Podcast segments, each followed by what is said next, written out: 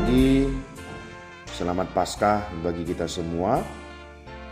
Renungan di pagi ini tertulis di dalam 1 Petrus 1 ayat yang ke-19 melainkan dengan darah yang mahal yaitu darah Kristus yang sama seperti darah anak domba yang tak bernoda dan tak bercacat. Penebusan yang berharga. Kesaksian dan nasihat Rasul Petrus sebagaimana ditulis dalam surat 1 Petrus 1 ayat 18 sampai 25 khususnya ayat 19 semakin mengingatkan kita agar kita senantiasa meyakini kebenaran firman-Nya dengan iman yang teguh kepadanya. Rasul Petrus memberi nasihat pada kita untuk merenungkan kembali tentang karya besar penebusan dosa dengan darahnya yang kudus dan mahal ia dipilih sebelum dunia dijadikannya menjadi ada dengan firman-Nya. Iman dan pengharapan kita taat pada kebenaran dan saling mengasihi serta dilahirkan kembali dan firman Tuhan adalah tetap selamanya. Dan ini kembali ditegaskan di dalam Ibrani 9 ayat 14. Betapa lebihnya darah Kristus yang oleh roh yang kekal telah mempersembahkan dirinya sendiri kepada Allah sebagai persembahan yang tak bercacat akan menyucikan hati nurani kita dari perbuatan-perbuatan yang sia-sia supaya kita dapat beribadah kepada Allah yang hidup. Kematian Yesus Kristus di atas kayu salib adalah penggenapan rencana Allah.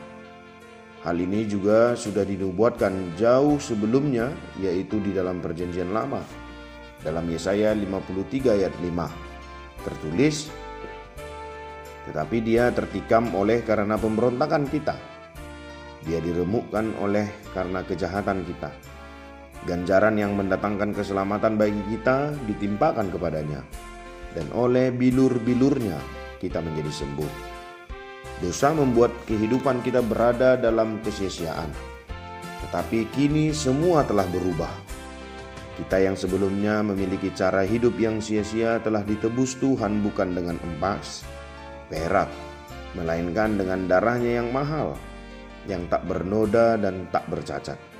Sehingga hidup kita menjadi berarti dan bermakna.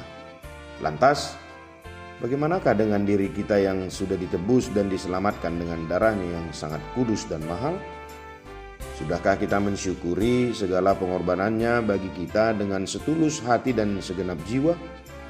Sudahkah kita semakin meyakini dengan iman yang teguh bahwa keselamatan kita adalah karya besarnya dengan darahnya yang kudus dan mahal di kayu salib dan kebangkitannya dari antara orang mati pada hari ketiga? Sudah tentu kita percaya bahwa semua pribadi di antara kita semakin mengimani bahwa kita sudah ditebus dan diselamatkan dengan darahnya yang sangat kudus dan mahal.